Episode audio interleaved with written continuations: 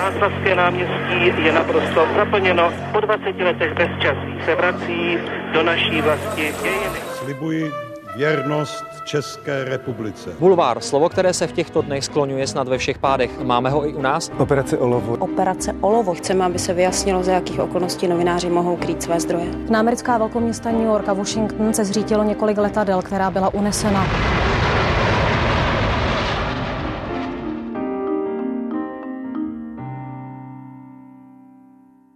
Berlín, Moskva, Vídeň, Slovensko, ale i Blízký východ. Všechna tato místa spojuje jedno jméno, a to zahraničního reportéra Jana Moláčka.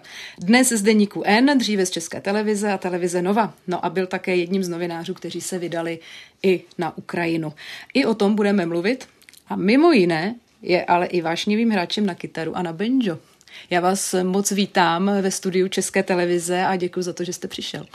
Já děkuji za pozvání a přeju dobrý den, nebo do, dobrý večer, nebo dobré ráno, nebo kdy to posluchači poslouchají. Je to podcast, takže si to asi můžou pustit, kdy chtějí, takže, takže hezký poslech. Od mikrofonu podcastu Background ČT24 zdraví taky Veronika Malá. Tři generace, tři klíčové etapy české novinařiny s těmi, kteří jsou a byli u toho. Speciální podcastová série pořadu Newsroom ČT24 Generace. Nechybí vám kamera? Chybí. Jak se to projevuje? No vždycky, když jsem někde, kde je víc novinářů a jsou tam i televizní novináři, tak mám tendenci si jít stoupnout k těm kameramanům, mám hledat tam toho, kdo, který točí pro mě a dávat mu instrukce. Ale vždycky si včas vzpomenu, že to už není moje práce, takže, takže zůstanu mezi těmi píšícími novináři a, a dělám si tu práci, kterou vlastně dělám teď. No. Jak moc velká řekněme, mentální změna to je přejít z té audiovizuální žurnalistiky do té čistě psané? Já nevím, je to mentální změna, rozhodně to velká pracovní změna, to je vlastně úplně jiná disciplína, já se ji musím učit pořád, dělám to vlastně eh, čtvrtý rok, nebo završuje se čtvrtý rok existence deníku N, pro který dělám full time tu eh, psanou novinařinu a jako v žádném případě nemám pocit, že bych už to uměl, když čtu výtvory reportáže, rozhovory a další, další formáty eh, kolegů a kolegyň, kteří to dělají daleko déle, eh, tak eh, vidím, že to dělají také daleko lépe. Takže, mm-hmm. takže ale to je, to je jedna z věcí, která mě na tom baví, že vlastně je to věc, která je pro mě pořád ještě trochu nová a pořád ještě musím přemýšlet, jak, jak ji dělat tak, aby prostě ten výsledek byl skutečně jako srovnatelný s těmi nejlepšími. Já jsem tu mentální změnu myslela zejména v tom smyslu, jste dlouholetý televizní reportér, takže člověk, když jde točit nějaké téma, tak už mu dopředu tak trošku v hlavě naskakuje, jak asi ta reportáž bude vypadat, jaké bude potřebovat obrázky, jaké bude potřebovat synchrony a už vlastně tak nějak si vnitřně tu práci řadí tak, aby efektivně vlastně dospěl k tomu, závěru k té, k té reportáži. Vlastně v tom tištěném projevu ta struktura toho textu je úplně, úplně jiná. Proto jsem hmm, to vlastně hmm. označila za ten mentální jako ano, pře- a to se, to, to se projevuje zejména v reportážní práci. Není to až tak problém v textech, které píšu eh, typu třeba komentáře, mm. to samozřejmě je formát, který v televizi příliš jako využíván není, nebo ne, nebyl, když jsem v televizi pracoval já, nebo minimálně teda jsem ho nedělal já. E, a, a, a nějaké další typy textů, jako jsou třeba rozhovory nebo, nebo, nebo analýzy nebo něco podobného, tam mě to až tak nevadí. Ale v té reportážní práci, když je člověk v terénu, typicky třeba teď na Ukrajině, tak tam eh, pořád mám tu tendenci to téma vnímat těma televizníma očima, eh, dívat se na ty obrázky, přesně si v hlavě skládat eh, reportáž toho televizního typu. Byť, už vám to tam naskakuje. Byť, vlastně. Ano, už ji mám v podstatě napsanou, když, když na to místo dorazím nebo tam strávím nějakou dobu. Jenomže samozřejmě mým úkolem je napsat potom reportáž psanou a to je jiná disciplína a um, je to, je to těžké, no. je, to, je to pro mě pořád eh, vlastně dost nezvyklé a musím se vyrovnat s tím, že divák, no říkám divák, on to není divák, on je to čtenář, vlastně nevidí, nevidí to, co vidím já, co v té televizní reportáži vidí, nebo aspoň z části, takže vlastně mu i ten obrazový věm musím nějak popsat, což jsem třeba na, na začátku vůbec nedělal, protože jsem na to nebyl zvyklý a teď, teď, to, teď to dělám.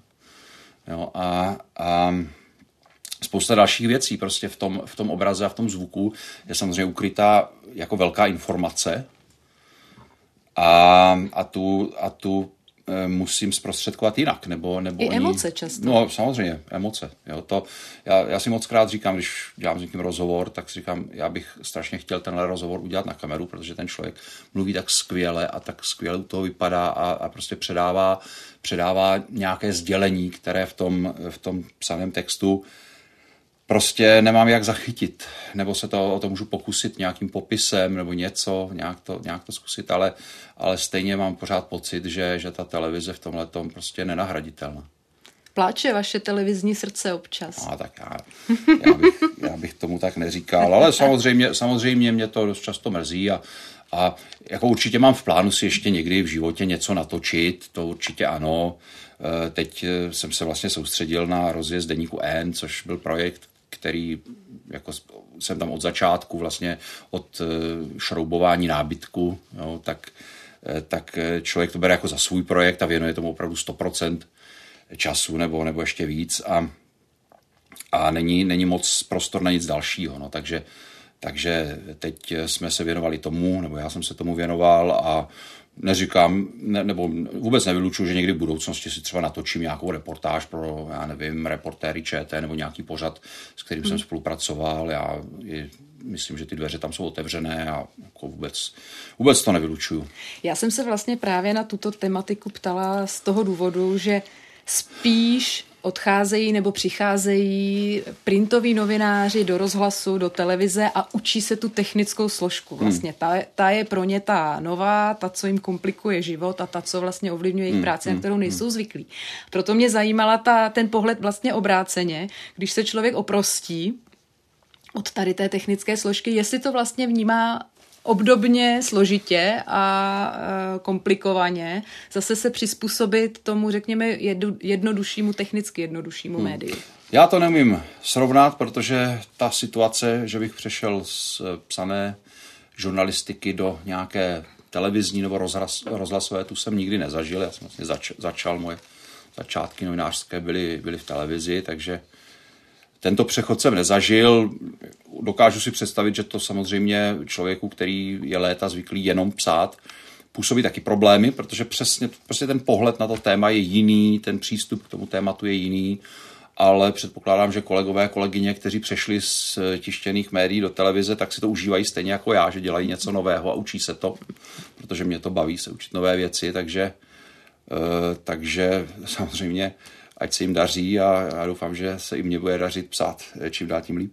Nicméně z toho, co jste říkal, na mě to působí tak, že i ten přechod obráceným směrem, to znamená z televize do printu, může být výzva, může to být jak anglo- eh, angloameričané rádi říkají challenging, je to hmm. prostě něco, co No, výzva Člověk je to, nemá zažité. Výzva je to jednoznačně a, a já si dokonce myslím, že je to možná složitější než ten opačný přechod, protože já ten obraz a ten zvuk vlastně vnímám jako něco, co mě spíš pomáhá, než že by mě to eh, že by to byla nějaká překážka, než by to byl nějaký problém pro mě. Samozřejmě člověk se s tím musí naučit pracovat, musí se naučit mluvit a tak dál.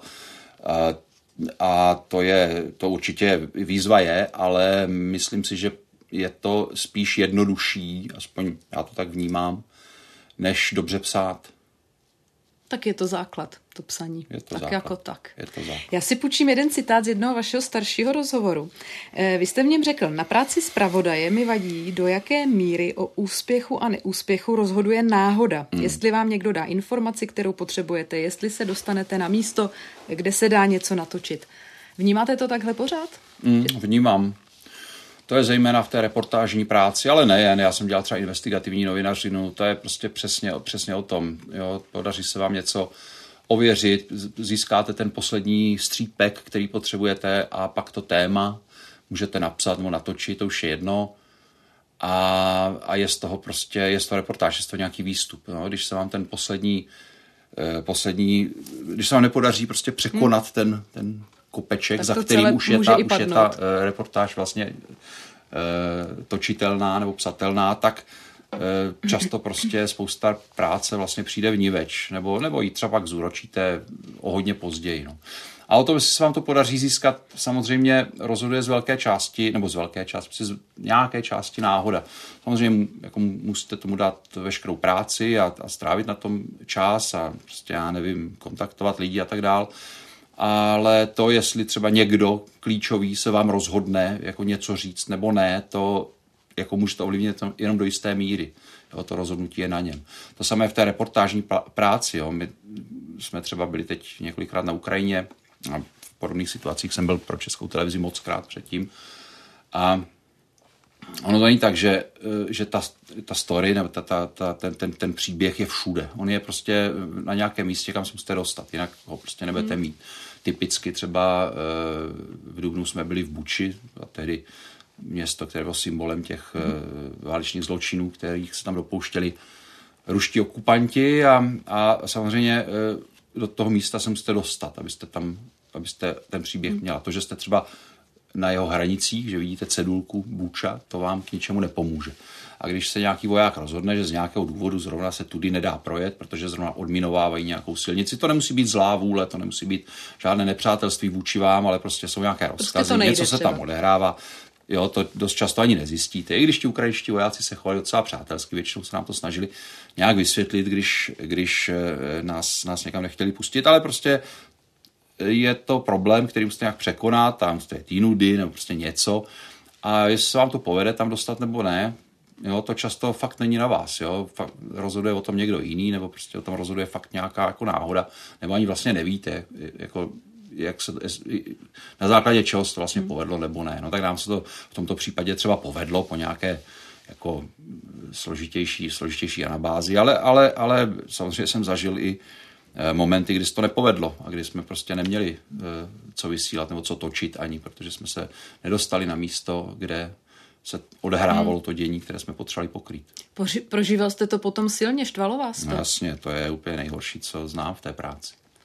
Jak se to potom vysvětluje, když jste někde takto v terénu, těm, kteří jsou tady doma v redakcích, ať už editorům nebo ostatním kolegům, kteří v tom boďáku mají tu kolonku, no. No a tak, teďka vědí, že no ta kolonka nebude třeba. Vysvětluje se to, to záleží na tom, kdo to zrovna je. Jo? To, eh, třeba v zahraniční redakci tady v ČT, tak eh, ta, tam většinou editory a nebo, nebo eh, šéfy redakce, tak dělají lidi, kteří tu práci dlouho dělali, takže přesně ví, o čem to je a přesně ví, že tohle se prostě stává. No, takže, takže eh, těm to není potřeba nějak dlouze vysvětlovat, oni prostě přesně ví, samozřejmě se tam známe, nebo znali jsme se a věděli jsme jeden o druhém, že prostě proto uděláme všechno, že to není nějaká, nějaké zanedbání z naší strany, že se něco nepovedlo, ale že zkrátka dobře to nejde a jim se to stalo moc krát taky.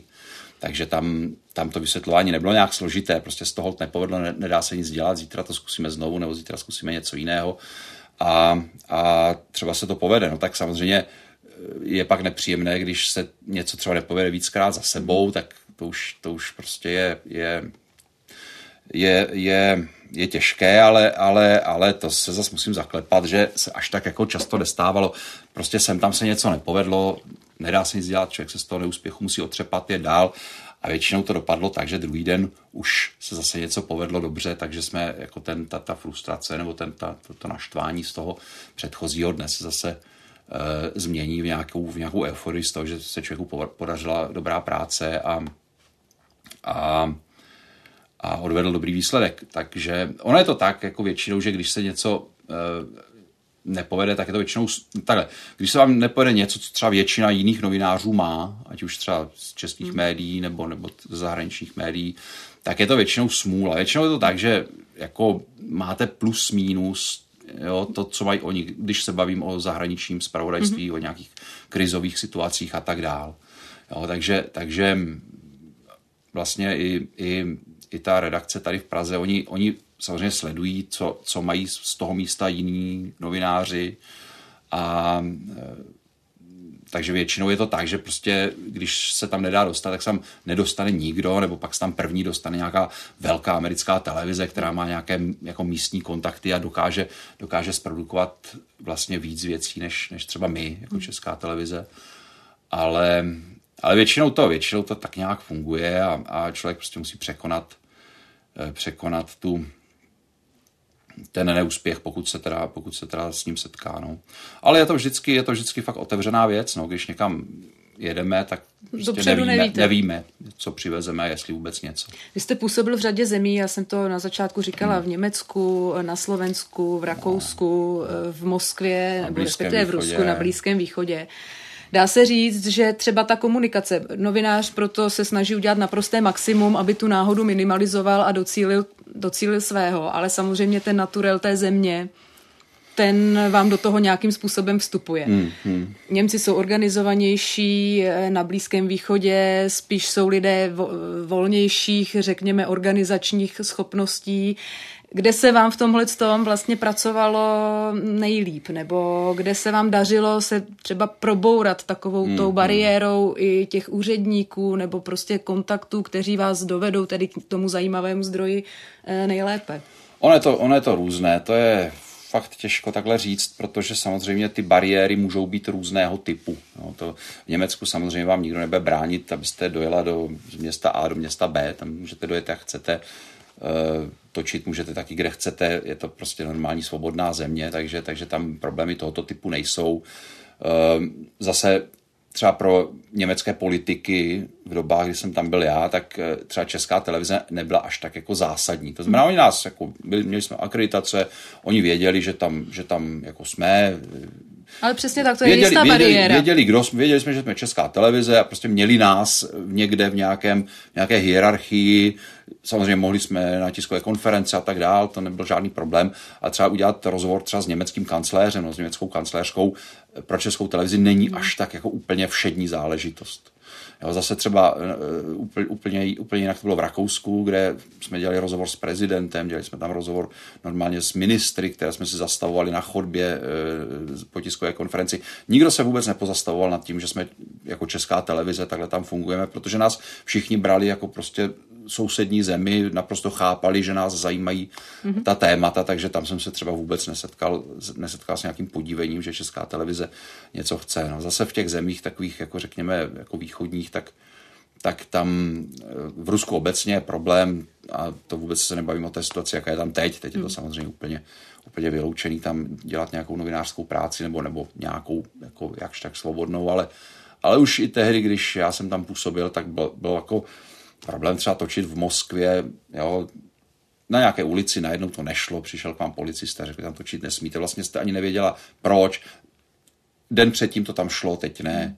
Jo, vlastně tam žádná taková pravidla neplatila, moc se tam s těmi lidmi nedalo dohodnout a, a bylo, to, bylo to, člověk si prostě musí vytvořit e, návyky a takové dovednosti, jako pokud točí někde třeba na ulici, tak to udělat pokud možno co nejrychleji a moc tam jako s tou kamerou e, nebudit pozornost a tak, takže, takže to, to jsme se tak jako přizpůsobili těm místním podmínkám. No. Já jsem docela měl rád ten Blízký východ, speciálně teda palestinská území Izrael, protože to je vlastně takový prostor, kde jsou všichni na novináře hodně zvyklí. Tam vlastně ten konflikt, který se táhne mnoho desetiletí, tak vlastně celou tu dobu pokrývají světová média, takže tam se nikdo nepozastavuje nad tím, že tam je někdo s kamerou a tak a, a samozřejmě platí tam nějaká pravidla a vojáci občas třeba uzavřou nějakou oblast, ale vždycky se, vždycky je s něma nějaká domluva, vždycky vám řeknou prostě jako sem ano, sem ne, dá se s něma nějak dohodnout, takže takže tam mě ta, tam mě ta práce přišla taková jako, jako celkem, celkem dobrá no, v tomhle. Jak se třeba ta, ty konflikty na Blízkém východě pro práci novináře liší od toho, co jste zažil třeba na té Ukrajině? No tak pro práci, co se týče práce, tak já přemýšlím, jestli tam byl nějaký zásadní rozdíl třeba mezi Sýrií a Ukrajinou, tak určitě byl ten, že v Sýrii jsme se nemohli pohybovat po, po vlastní ose jednoduše. Mm-hmm. Tam, tam, tam i na těch územích, kde třeba už nepůsobila ta oficiální armáda, ta, ta vlastně Asadová armáda, ale už tam se mohlo třeba z Turecka ze severu dostat, protože už ta území byla vlastně ovládaná tou tehdy osvobozenskou armádou, tak, tak ne, ne, jako ne, nedovolovali nám tam a ne, ne, neradili nám tam velmi důrazně tam cestovat sami, a, mm-hmm. protože tam prostě pořád ještě nebylo úplně jasné, jo, jo, které území ovládá kdo a tak dál, takže tam, tam to nebezpečí bylo značné. Na Ukrajině jsme se pohybovali normálně, normálně bez problémů sami. je to, ten, ten, ten konflikt na Ukrajině je, je pro mě jiný, hlavně v tom, jak je blízko. Já nemyslím ani tak mhm. geograficky blízko, protože Eh, protože on ten, on ten Blízký východ taky není tak daleko a, a konec konců jsem dělal války, jsem pokrýval války třeba v bývalé Jugoslávii, v mm. Kosovu a tak dál, které jsou asi ještě i blíž, ale, ale on je blízko jako hodně, jednak je blízko kulturně, protože Ukrajinci e, mají velký vztah k České republice. Tam s kýmkoliv se bavíte, kdekoliv, v kterémkoliv městě, tak okamžitě dojde řeč na to, že když řeknete, že jste z Česka, hmm. tak on okamžitě řekne, že buď to on sám pracoval hmm. někdy v Česku, nebo někdo z jeho rodiny tam pracuje a, a prostě Česko znají a, a, a, a mají k němu velký vztah. Čili to je jedna blízkost a druhá blízkost je samozřejmě ta, že ten, ta válka na Ukrajině se nás dotýká i tady v České republice velmi. Jo, je, to, je to vlastně eh, válka, která je vedená i proti nám a minimálně teda třeba v té hospodářské oblasti a já nevím, ceny energií a tak dál, to všechno je vlastně důsledek té války, který cítíme my tady. Jo. Válka na Blízkém východě se nás až takhle přímo nedotýká, samozřejmě není to tak, že by se nás nedotýkala vůbec, ale člověk může, mít pořád, člověk může mít pořád pocit, že prostě tam odletí, pokraje si nějaké téma, vrátí se zpátky do České republiky, kde je klid a, a může si odpočnout, ale, ale tady to tak není. Tady vlastně pokrýváte válku, která může být v tom nejhorším scénáři, který samozřejmě nechci přivolávat, hmm. může za pár let být tady. Hmm. Měl jste tendence na té Ukrajině vlastně nad tím přemýšlet i z toho ruského pohledu, z hlediska toho, z těch vašich zkušeností, eh, vlastně s ruskou mentalitou, s těmi ruskými reáliemi, protože jste vlastně v roce 2005-2006 eh, v tom Rusku působil jako zahraniční zpravodaj, takže máte představu o tom, jak to tam funguje, jak tam fungovala média. Samozřejmě teď jsme o 15 let později, ale ta osobní znalost podle mě je poměrně um, důležitá, stěžejní. No je, je, no, protože si dovedete představit, že to všechno, o čem čtete nebo co vidíte a než hmm. tam třeba ještě vůbec přijdete, takže to přesně takhle je pravda, jo, protože já třeba mám nějakou zkušenost s ruskými vojáky z různých oblastí na Kavkaze a tak dál a prostě vím, že, ta, že ruská armáda prostě není v dobrém stavu hmm. a že, že ti že ti vojáci, když odmyslíme nějaké ty nejelitnější jednotky, tak skutečně jako to není žádná profesionální vycvičená armáda a, a důsledkem toho jsou pak přesně ty jako absolutně otřesné zločiny proti lidskosti, mm. kterých se ti lidé vlastně dopouštějí z úplně nesmyslných důvodů, jo, jako vraždit civilisty se zavázanýma rukama, nemá, nemá vlastně z vojenského hlediska vůbec mm. žádný smysl, ale, ale ti vojáci sami ti, ti ruší a já si to dovedu úplně živě představit, protože jako mám je v hlavě, jak vypadají, jako jak, jak působí, jako vlastně ta jejich v vozovkách profesionalita, která je absolutně jako na nízké úrovni tak, tak si to přesně dovedu představit, jak oni skončí někde uprostřed zimy, někde na Ukrajině vůbec netuší, kde jsou, nemají žádné zásoby, pomalu nemají ani naftu, aby hmm. dojeli někam prostě do, jako za, za frontu. Myslím, nebo, že tato, ta logistika, jo, to... ta taky mnoho lidí As... Eh, překvapila, no. jak byla, řekněme, na té ruské straně naprosto jakoby nedotažená, že tam no. zůstávala ta technika někde v no. polích ležet. No. No, tak to je důsledek korupce, která prostě v Rusku je všudy přítomná, dotýká se i armády. Takže místo toho, aby nákladák měl nové gumy, které měl mít dávno, tak, tak má 20 let staré a, a na prvním nějakým terénním problému zůstane vyset. Hmm. No. Jak se vám v tom roce 2005-2006 v tom Rusku pracovalo? No já jsem, já se, já, jak, jako mně se tam pracovalo, to je, to je těžko říct, jako, ne, nebo ta, ta odpověď není taková úplně jednoznačná. Mně se tam pracovalo strašně špatně, protože prostě v Rusku se novi, jako novinářská práce dělá strašně špatně. To prostě tak je. Jo. Ale zároveň e, ta země i těmi tématy, která nabízí tím významem svých, tím významem těch témat, je, je jako fascinující obrovská výzva a a to mě na tom hrozně bavilo a přitahovalo. Já jsem vlastně šel do Ruska dobrovolně. Já jsem byl tehdy zpravodaj v Německu a mě tehdy vlastně nabídli, nabídla tady eh, redakce, že eh, on tam končil Martin Jazajry v Rusku a, a já nevím, tady byl nějaký problém tam, tam, tam sehnat mm-hmm. člověka, který tam šel a nabídli to vlastně mě. A já jsem vlastně předčasně ukončil eh, tu, tu misi v Německu. Já nevím, jak dlouho jsem tam byl, asi dva roky nebo tak nějak. A a vrátil jsem se do Prahy, tady jsem se asi tři měsíce učil rusky intenzivně. a, a pak, jsem, pak jsem teda se osíval do, do Moskvy.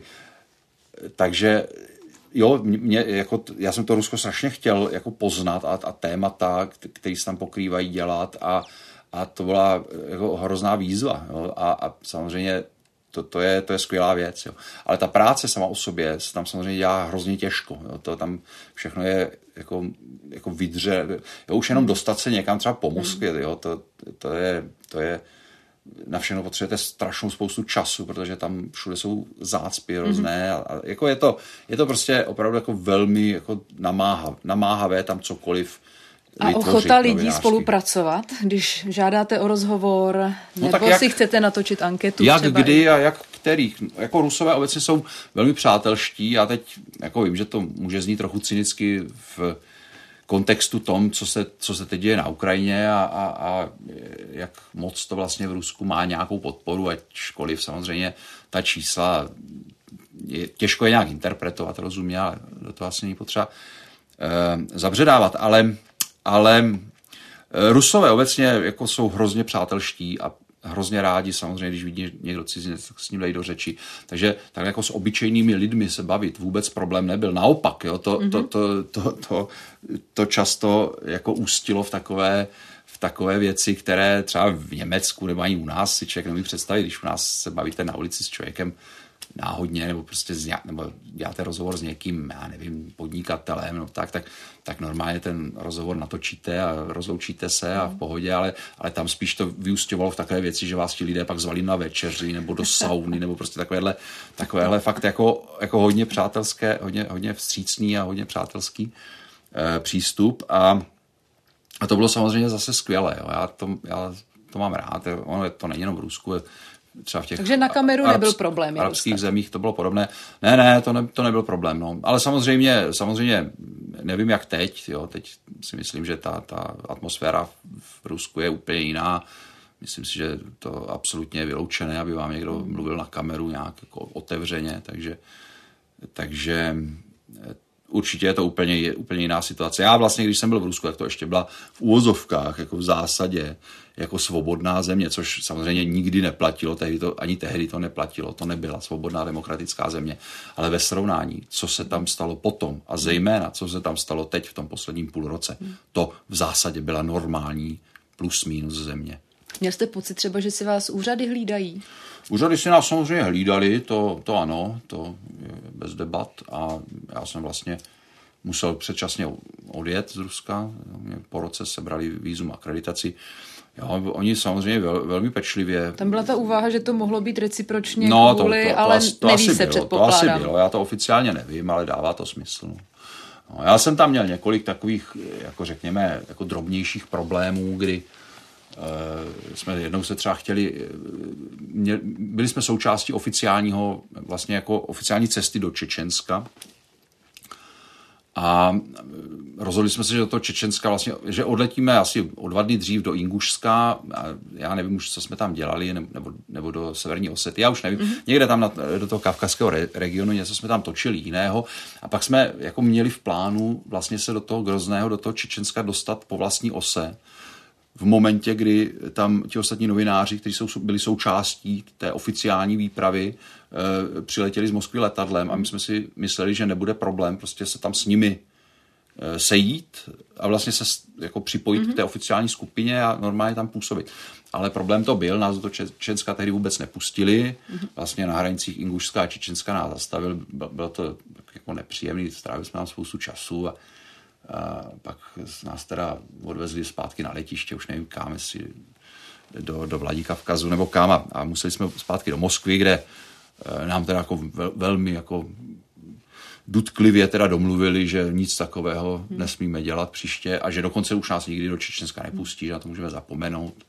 Tak já jsem jako byl trošku jako rozčarován, ale, ale, ale prostě tak to tam je. No, jako na Sibiři jsme měli zase problém, tam jsme, tam jsme jako po dlouhých eh, domluvách vlastně eh, získali možnost letět na plynová naleziště. Tady jsme si chtěli udělat nějakou reportáž o tom, jak se v Rusku těží plyn, tak tam nás vzali do toho Jamaloniněckého autonomního okruhu, taková zapomenutá část Sibiře velmi jako tam vstřícně se k nám chovali, vlastně vrtulníkem nás tam jako různě vozili po těch, po těch různých jako plynových vrtech a tam jsme se to mohli točit, mluvit s těmi, s těmi lidmi, co tam, co tam pracují a tak, bylo to jako super, ale, ale my jsme vlastně pak si tam chtěli udělat ještě nějakou práci a, a vlastně jsme tam chtěli zůstat o dva dny díl, nebo o den díl, já už nevím. A to byl, to byl jako obrovský problém. Hmm. Jo. Prostě jo, ta, tam jako neplatí žádné pravidlo oficiální, že, ta, že ten okruh nebo že, že by ta, ten, ta, ta oblast byla, byla uzavřená.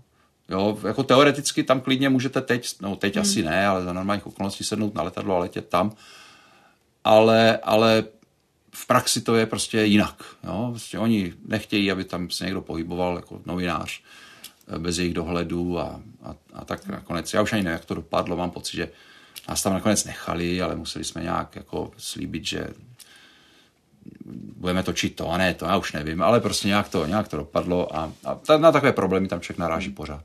Napadlo by vás už tehdy, že se ta situace v Rusku může dostat až do toho bodu, ve kterém je teď? No, jako že by Rusko válčilo s Ukrajinou, to mě tehdy nenapadlo. Tam vlastně všechny ty, všechny ty e, útoky na, na ty sousední země, ať už to byla jako nejdřív Gruzie, e, později teda Ukrajina, Krym a tak dále, tak, tak ty se vlastně všechny odehrály až jako výrazně později, hmm. než když já jsem tam byl. Ale e, to mě nenapadlo, já jsem si spíš teda myslel naivně, že ten režim, který už, jako on se, on přituhoval a Hmm. A, a zejména po té, co jsem odjel, tak přituhoval čím dál tím víc. Ale já jsem se přiznám, že jsem si myslel, že ten, že ten režim jako padne, jo? že tam byly mm-hmm. potom ty velké demonstrace mm-hmm. a e, já jsem věřil tomu, že budou úspěšné, že skutečně ten, ten režim se neudrží, nebo e, samozřejmě ono to nikdy jako ne, ne, nejde říct, jestli, jestli se udrží nebo neudrží, ale dělal jsem si určitou naději, že by to tak mohlo. Dokonce jsem si říkal, že bych se do Ruska zase podíval, protože já vlastně nevím, jestli tam teďka smím nebo ne. Hmm. Nežádal jsem o hmm. výzum od té doby, hmm. takže nevím, jestli bych ho dostal nebo ne. Ale, ale to se teda nestalo. No. Tam ty demonstrace hmm. vlastně vyústily jenom další represe a už represe takového typu, které prostě za mě, jo, byť taky jsem byl svědkem eh, jako rozehnaných demonstrací a tak dál, ale, ale v té míře, v jaké to tam nastalo potom, hmm tak to tehdy ještě nebylo a samozřejmě, co se děje od toho momentu eh, té otevřené agrese proti Ukrajině, tak, tak to je absolutně už s ničím nesrovnatelné. Vy jste řekl v rozhovoru pro frekvenci 1, že Putin se nezměnil. Eh, potřebovali jsme to, abychom se probudili z letargie. Byla ta letargie opravdu podle vás tak hluboká? Byla naše nebo západ, celého západního světa? Ona byla asi celého západního světa, možná, že my jsme si dělali trochu menší iluze o Putinovi než, než na západě a ono to je celkem logické, protože nějaké Španělsko nebo Francie skutečně nemusí Nemá obávat, nemusí obávat, že by, že by tam, že, že by je Putin okupoval. No, to, se, to se asi opravdu jako v blízké budoucnosti nerad bych teda se pletl, ale myslím si, že to opravdu eh, nehrozí, ale eh, my jsme to zažili a nám to samozřejmě hrozí, pobaltské země, hmm. Polsko, Česká republika a tak dále. Takže, takže si myslím, že jako my jsme to vnímali my jsme to vnímali asi ostřeji, to nebezpečí, než, než západní země. Jenomže my jsme se podle toho nechovali, to je ten, to je ten zásadní problém. Jo. My, jsme, my jsme eh, vlastně hazardovali s tím, že tady, tady byla léta jako úplně vážně míněná, vážně míněný plán nechat Rosatom dostavět jadernou elektrárnu, postavit vlastně nové bloky v Dukovanech. A to, to tady vlastně prosazovali nejvýše postavení politici.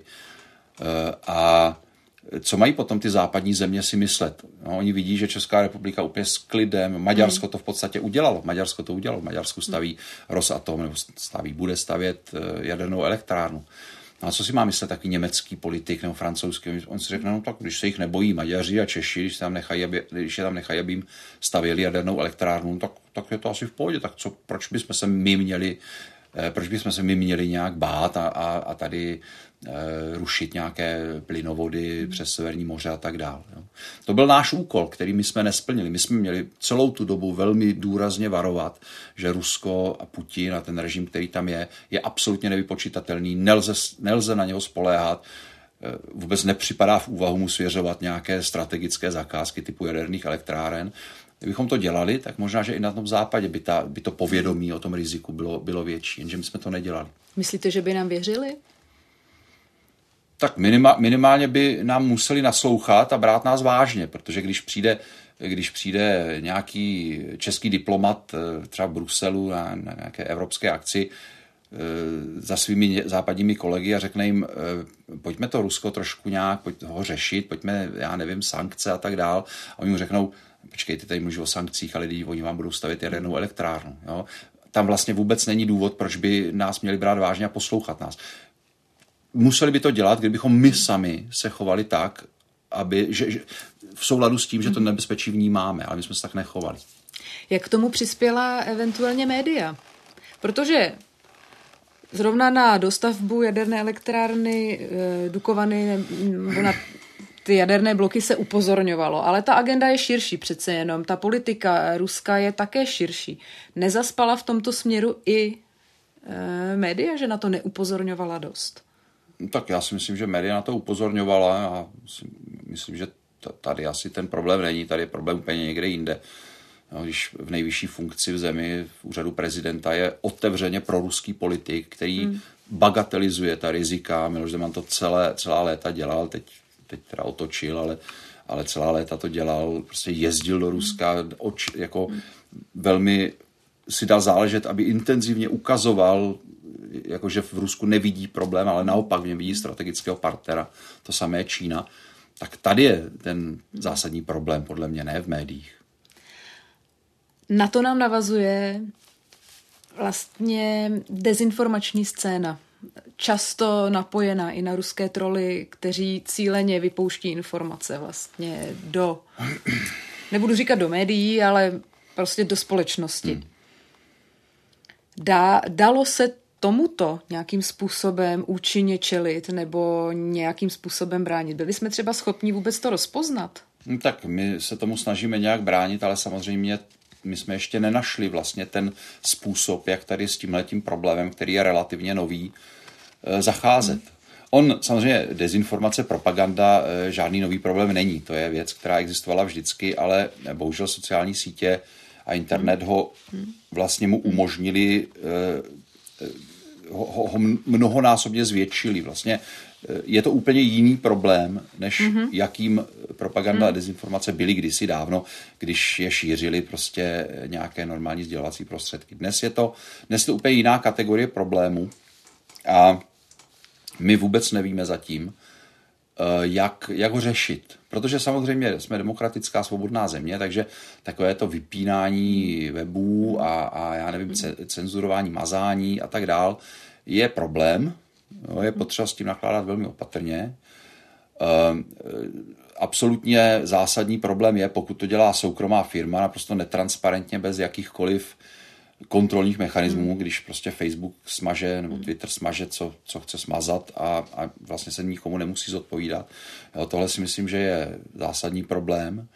Ale zrovna tak je problém, eh, nebo zrovna tak ten problém neřeší takový, takový, takový ten opačný přístup, jako o, máme svobodu slova, si každý říká, co chce a, a prostě píše, nebudeme to chce. řešit. Jo? Protože eh, tím se jenom otevírá cesta k tomu, že vlastně veřejná debata bude absolutně zahlcená zaplavená tím balastem a, a dezinformačními a ono to tak různými. už postupně ono, je. Ono to, tak, ono to tak je, ale pořád ještě tady jako existuje nějaká hranice nebo existuje nějak, nějaká jako definice nebo nějaké rozdělování na nějakou seriózní veřejnou debatu a, a ten dezinformační balast a propagandu, která vlastně se, se jí snaží znemožnit. Ono je samozřejmě to těžké, protože e, ten, ta, ta definice, vždycky tam bude nějaká jako šedá zóna, vždycky tam bude něco takového, co, kde, kde budete na vážkách a, a, a hmm. vždycky bude hrozit, že když nějak jako budete postupovat proti dezinformacím a propagandě, tak vyloučíte z veřejné debaty nějaký legitimní názor, který je pouze eh, prostě ne, jako nevětšinový a je, dejme tomu třeba nějaký nepohodlný nebo něco takového, ale je legitimní a je problém, když nemůže zaznít, protože pak samozřejmě ta veřejná debata je jako nějakým způsobem manipulovaná a nevede k tomu, k čemu potřebujeme, aby vedla. To znamená k nalezení, nalezení nejlepšího řešení jo, nějakého problému. Jo, takže tohle to je věc, s kterou vlastně neumíme zacházet a jaké to řešení bude, jo, pokud se nám podaří najít, tak eh, to, to já si netroufám odhadnout, i když je to samozřejmě téma, které mě velmi zajímá, snažím se o něm číst a, a, a, eh, a věnovat se mu, tak eh, mám pocit, že vlastně v tom jako nemá zatím jasno vůbec nikdo. Jasno je asi v jediné věci, že dezinformace budou součástí toho veřejného prostoru, té veřejné debaty a toho vlastně toho mediálního nějakého, té mediální směsi, která je, která je vlastně kolem nás, tak, tak budou vždycky, jo, že to nikdy se je nepodaří prostě nějak vymítit nebo zakázat. A, a teď je otázka, jak, eh, jak se s tím naučíme žít a naučíme se vlastně tu veřejnou debatu, tu seriózní, ve které se hledá řešení a, a která k nalezení řešení vede a která, kterou bereme vážně, jak ji vlastně omezit jako na, na, na, na tu legitimní část toho mediálního prostoru. No. Já si myslím, že to je problém, ale, ale nic jiného než nějaké řešení najít nám nezbývá, protože jinak, jinak eh, ta, eh, pokud jako přijdeme o veřejnou debatu, tak seriózní a smysluplnou, tak to je vlastně... A máme tady do, ale do určité míry takovou paralelní eh, debatu. Je určitá část společnosti, které dezinformátoři takzvaně mluví z duše. No jasně, no. Oni tak to tomu je ten věří. Problém, to je ten problém, přesně o kterém tak, mluvím, no. Přesně, uh, odmítají vlastně ta seriózní no. média. Je to pro ně něco, co je platformou vlastně lží hmm. a nepravd a ty informace, které oni si vlastně šíří po těch svých kanálech nebo po sociálních sítích, tak to jsou pro ně ty relevantní. A tato skupina, a teď to říkám sama za sebe čistě z mého subjektivního pohledu, mi připadá, že se nechce nechat úplně ovlivnit. Nechce se nechat jako no, jasně, vy, vyvést no, to ne, no. této své vlastně sociální bubliny. No, to ne. A otázka je samozřejmě, co s tím. Aby se zapojila třeba do té debaty, pokud už chceme tu debatu vést. No, to, to, to jste přesně pojmenovala ten problém, no. Ale, ale jestli po mě chcete řešení, tak to je, to je to, přesně... To, je, to nečekám, že na něj přijdeme tady to, spolu. To je, to je přesně to, co, eh, co, co nás bude ještě pár let trápit, pokud se nám to teda nakonec podaří vyřešit. Ale já no si myslím, že samozřejmě... na seriózní média je čím dál tím víc vlastně. A na novináře jako no, na stav, jako no. na profesi. Ale současně to taky, to, je, to máte samozřejmě naprostou pravdu a současně ale zase to vede k tomu, že si e, lidé začínají uvědomovat, že ta jako mediální scéna, ta, ty, ty seriózní nezávislá média jsou důležitá. A já jsem třeba vlastně e, nikdy v životě nezažil takovou podporu své práce, jako v těch posledních mm. letech. Ono konec konců vyjádřením té podpory je taky sama existence Deníku mm. N, což je projekt, který stojí čistě a jenom pouze na podpoře svých čtenářů. A nám se ta nám se ta, nám, nás ta podpora jako vlastně drž, drží při životě a my jsme ani nečekali, že, že bude tak intenzivní hned eh, ze začátku. A, a ona byla a já to, to, to je důsledek toho, že lidé vlastně si to nebezpečí uvědomují a chápou, že když nebudou existovat e, e, seriózní média, když se ta média podaří skutečně když se skutečně dezinformátorům podaří vyt, prostě ten, vytvořit ten dojem, který oni se snaží vytvořit, to znamená, že je to úplně jedno, jestli čtete parlamentní listy nebo deník hmm. N, prostě čtěte si, co chcete, udělejte si názor hmm. sami jo, a tak dál. A vlastně tu hrstku těch seriózních médií vlastně postavit naroveň s tím, s tím obrovskou záplavou toho, toho dezinformačního mediálního obsahu, tak v tu chvíli vlastně přestane fungovat jakákoliv veřejná debata, a v tu chvíli přestane fungovat demokracie, která bez veřejné debaty nemůže být. Myslím si, že tohle si uvědomila velká spousta lidí a výsledkem je ta podpora, o které mluvím, a která vlastně se týká i české televize. Vždyť byly velké demonstrace třeba na eh, obranu nezávislosti české televize, když se třeba minulá vládní koalice, eh, nebo ta minulá taková ta faktická většina v parlamentu, eh, ano, SPD, KSČM vlastně pokoušela, pokoušela nějakým způsobem ovládnout nebo, nebo se k tomu schylovalo, tak e, ta podpora, ta podpora tady byla. Takže to si myslím, že je zase ta pozitivní stránka věci. Myslíte, že by se měl klást větší důraz na edukaci, třeba už i u dětí? Jo, určitě je potřeba přesně tak, jak jako dětí a, a, a vlastně jako e, žáky ve školách učíme, učíme fungovat vlastně se vším, co potřebují k životu, tak je musíme učit fungovat i s médií, protože oni samozřejmě s mediálním obsahem přicházejí do, do styku v obrovské míře, daleko větší. A od útlého dětství. Daleko, vě, daleko to... větší, než kdy- kdykoliv to bylo v minulých generacích a, a je potřeba prostě, aby chápali, že jako hmm. mediální obsah je různého typu, hmm. že není rovnocený, že není jedno, jestli čtete parlamentní listy nebo deník N, že to Nebo co mi říká nějaký youtuber. dvě, protože... dvě, ano, dvě jo. úplně jiné věci. Podle čeho se pozná zpráva, které, nebo, nebo zdroj a zpráva, informace, které eh, člověk může věřit nebo, nebo, nebo ji může brát vážně, jo, že, že pod tím musí být někdo podepsaný, že ten někdo musí mít eh, jako nějak, nějakou historii, nějakou, nějaký, nějakou, nějaký kredit a podobně. Eh, To jsou takové fakt jako věci, které, které eh, je potřeba, aby každý věděl, je samozřejmě potřeba to lidem vysvětlovat od dětství, a, ale, ale samozřejmě je potřeba to vysvětlovat i dospělým, protože dneska jsou to často právě dospělí a, a třeba hlavně starší generace, která absolutně jako se neorientuje v tom, v tom mediálním obsahu, který se na ní valí. Může do toho promluvit i třeba kvalitní investigativní žurnalistika? Určitě jo. Tak vy jste ji dělal, dělal jste ji v reportérech ČT eh, v na vlastní oči, jestli se nepletu, Ano, na ano, televizi Nová, takže máte tu osobní zkušenost. Je to samozřejmě náročná žurnalistika, není to ta každodenní eh, žurnalistika, ráno přijdu do práce a večer mám hmm, téma, hmm. téma hotové, ale odhaluje. Hmm. Nicméně zlatý věk té investigativy už je maličko, řekněme, za námi. To byla ta nultá léta, kdy opravdu na titulkách novin byla, byly velké kauzy.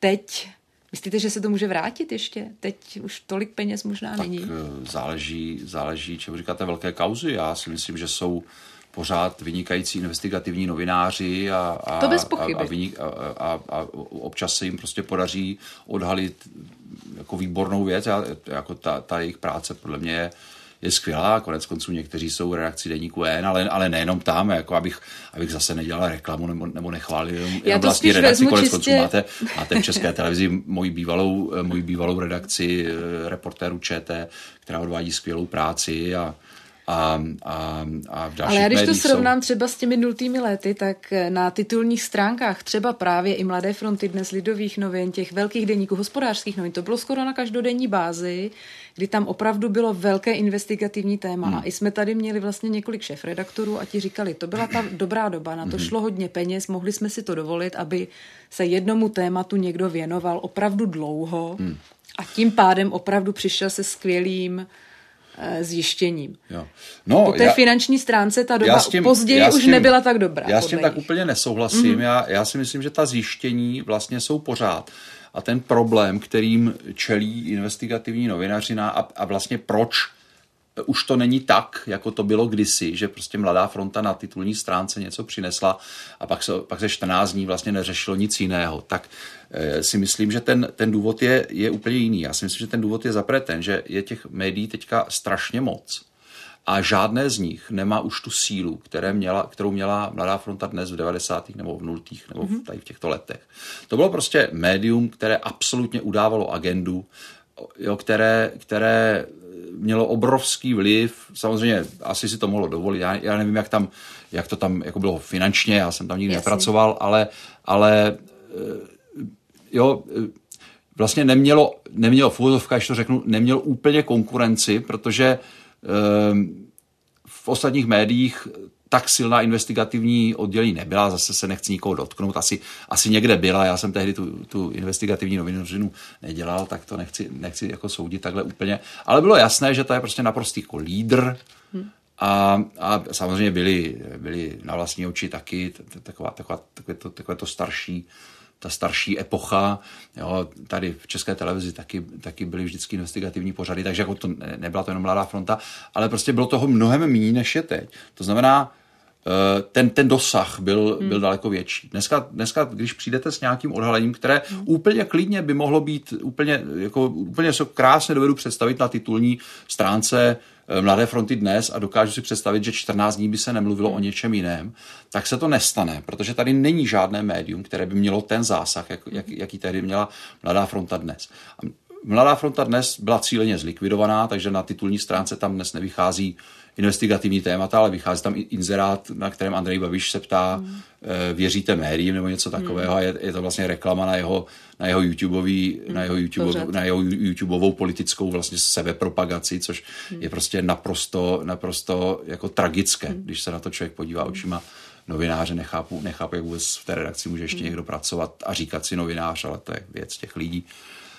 Uh, Jo, to znamená, to znamená uh, já, já vidím problém v tomhle. Uh, ta, ta mediální scéna je hodně, hmm. hodně jako rozkouskovaná, atomizovaná do jednotlivých médií a žádné z nich, všechna z nich hmm. jsou relevantní a, a žádné z nich ale není tak relevantní, tak aby, aby dokázala hmm. tu agendu vlastně hmm. udávat, eh, já nevím, 14 dní, měsíc nebo něco takového. Ale byla řada odhalení, která, která vyvolala pozornost. To jednoznačně. Se, seznam má taková odhalení. Konec konců my taky, Deník N, eh, eh, aktuálně CZ přináší takové věci. I takže, rozhlasu jo, se i rozhlas, také daří. I rozhlas taky. Nebo občas. vůbec investigativnímu jo, takže, týmu v rozhlasu. Takže ona je otázka, jestli to vlastně není lepší teď, jakože vlastně těch, mm-hmm. jako ne, vlastně neunikne jako nic té pozornosti, protože té pozornosti, která je na to upřená, je daleko víc, než bylo tehdy.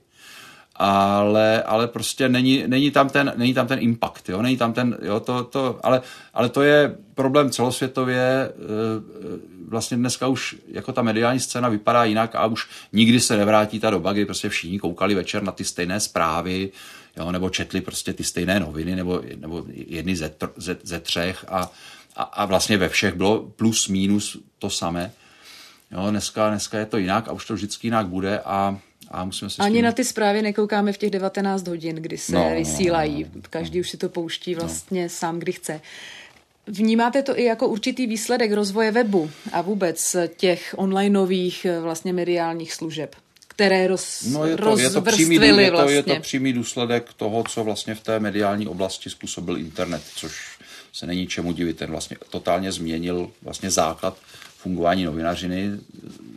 Ten, ten vlastně ten vlastně absolutně revolučně, revolučním způsobem, nej, nej, nejrevolučnějším způsobem v dějinách lidských změnil způsob, kterým si který vytváříme, předáváme, konzumujeme informace. Tak to samozřejmě se nemůže neprojevit na, eh, na odvětví, hmm. které je na tomto založeno a to je novinařina. Takže se to na tom samozřejmě projevuje a projevovat bude dál.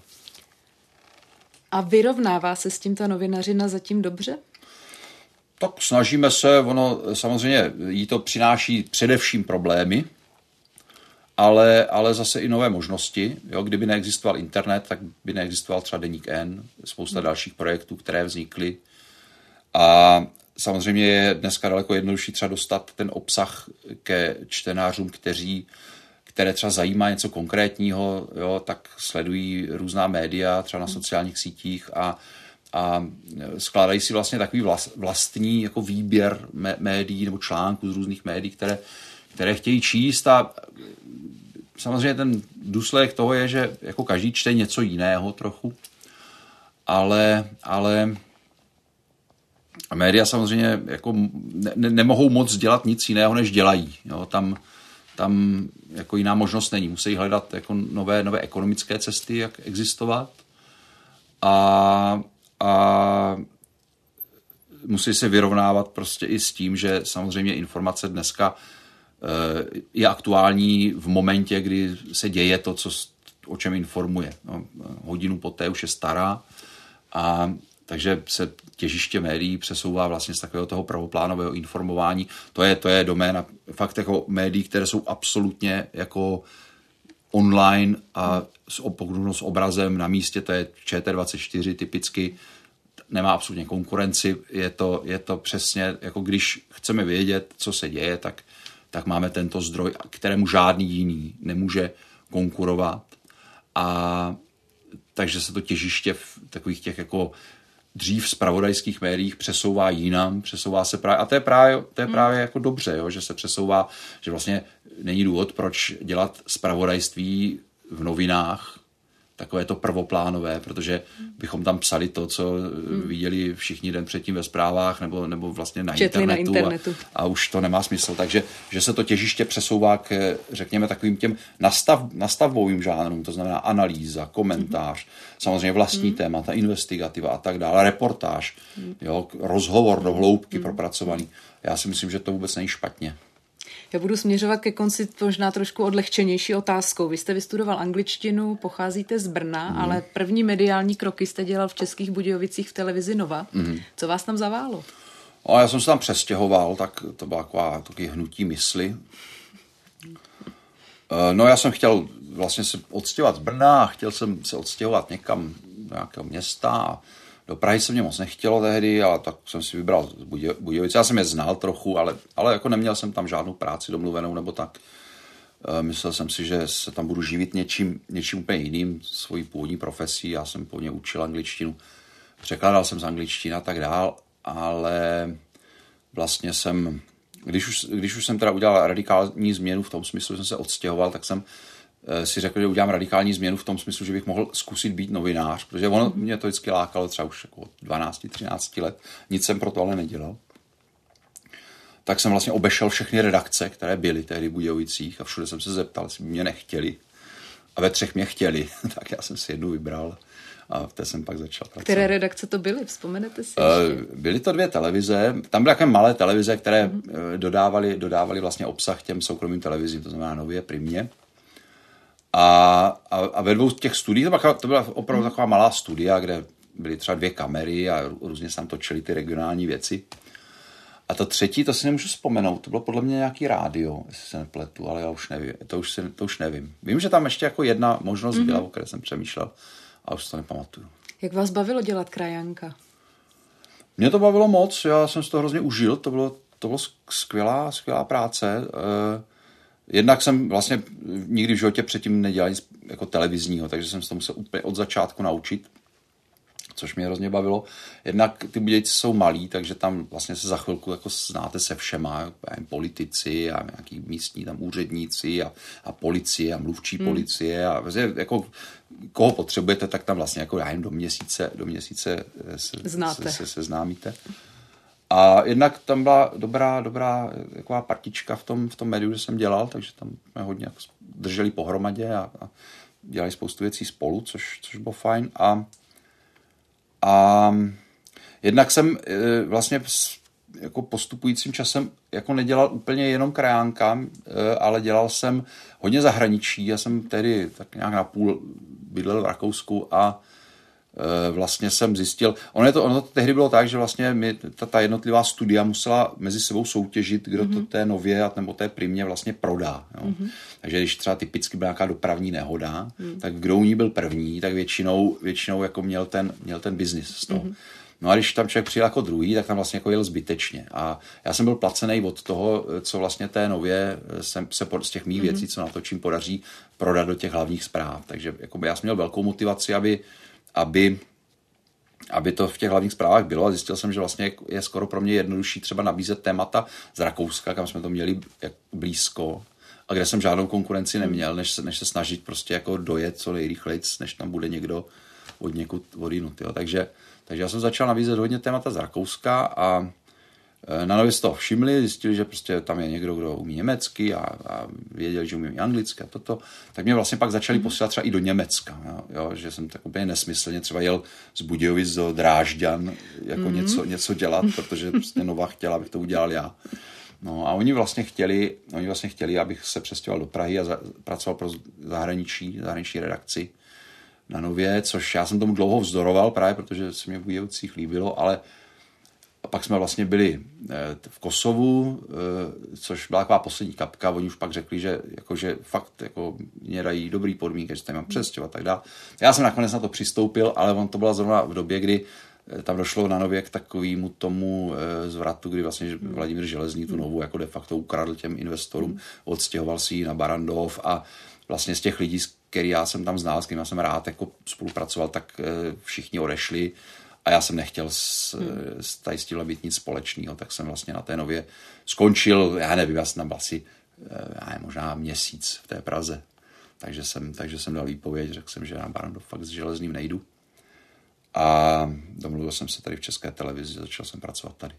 Takže vlastně máte zkušenost regionálního redaktora, zahraničního redaktora, zpravodaje z několika různých zemí, teď vlastně eh, manažera i redaktora, komentátora, reportéra deníku N, to znamená Manažera printového, ne, manažera ne, omlouvám se, printového nebo webového eh, redaktora, ve kterém tom Hmm. období jste měl nejvíc práce. No nejvíc práce mám pocit, že mám teď, ale, ale asi, asi kdybyste se mě zeptala dřív, tak bych asi taky řekl, že teď. No, nevím, nevím, těžko říct. Ono se to těžko srovnává. Jo, já, když si vzpomenu třeba na práci v ČT, když ještě nebyla ČT24, tak to třeba z dnešního pohledu vypadá jako hrozná pohoda. Ale on, ona, ona, ona, ta samozřejmě ta technologie byla jiná, samozřejmě něco točit na bety a stříhat jako něco jiného než, než dneska. Jo. Takže ona ta, ona ta práce byla, akorát prostě vypadala jinak. No. Máte tedy čas ještě na kytaru a na banjo? Ale jo, ale jo já, já u toho relaxu. Najdete si ho. Jo, Tak to říká novinář Jan Moláček. Já moc děkuji za to, že jste přišel. Já děkuji za pozvání. Všechny díly podcastu Background ČT24 si můžete poslechnout v podcastových aplikacích nebo ve videu se také na ně podívat na sociálních sítích, a to zejména na Facebooku pořadu Newsroom nebo taky na YouTube. E, tak se na ně podívejte. No a ze studia na Kavčích horách se loučí taky Veronika Malá.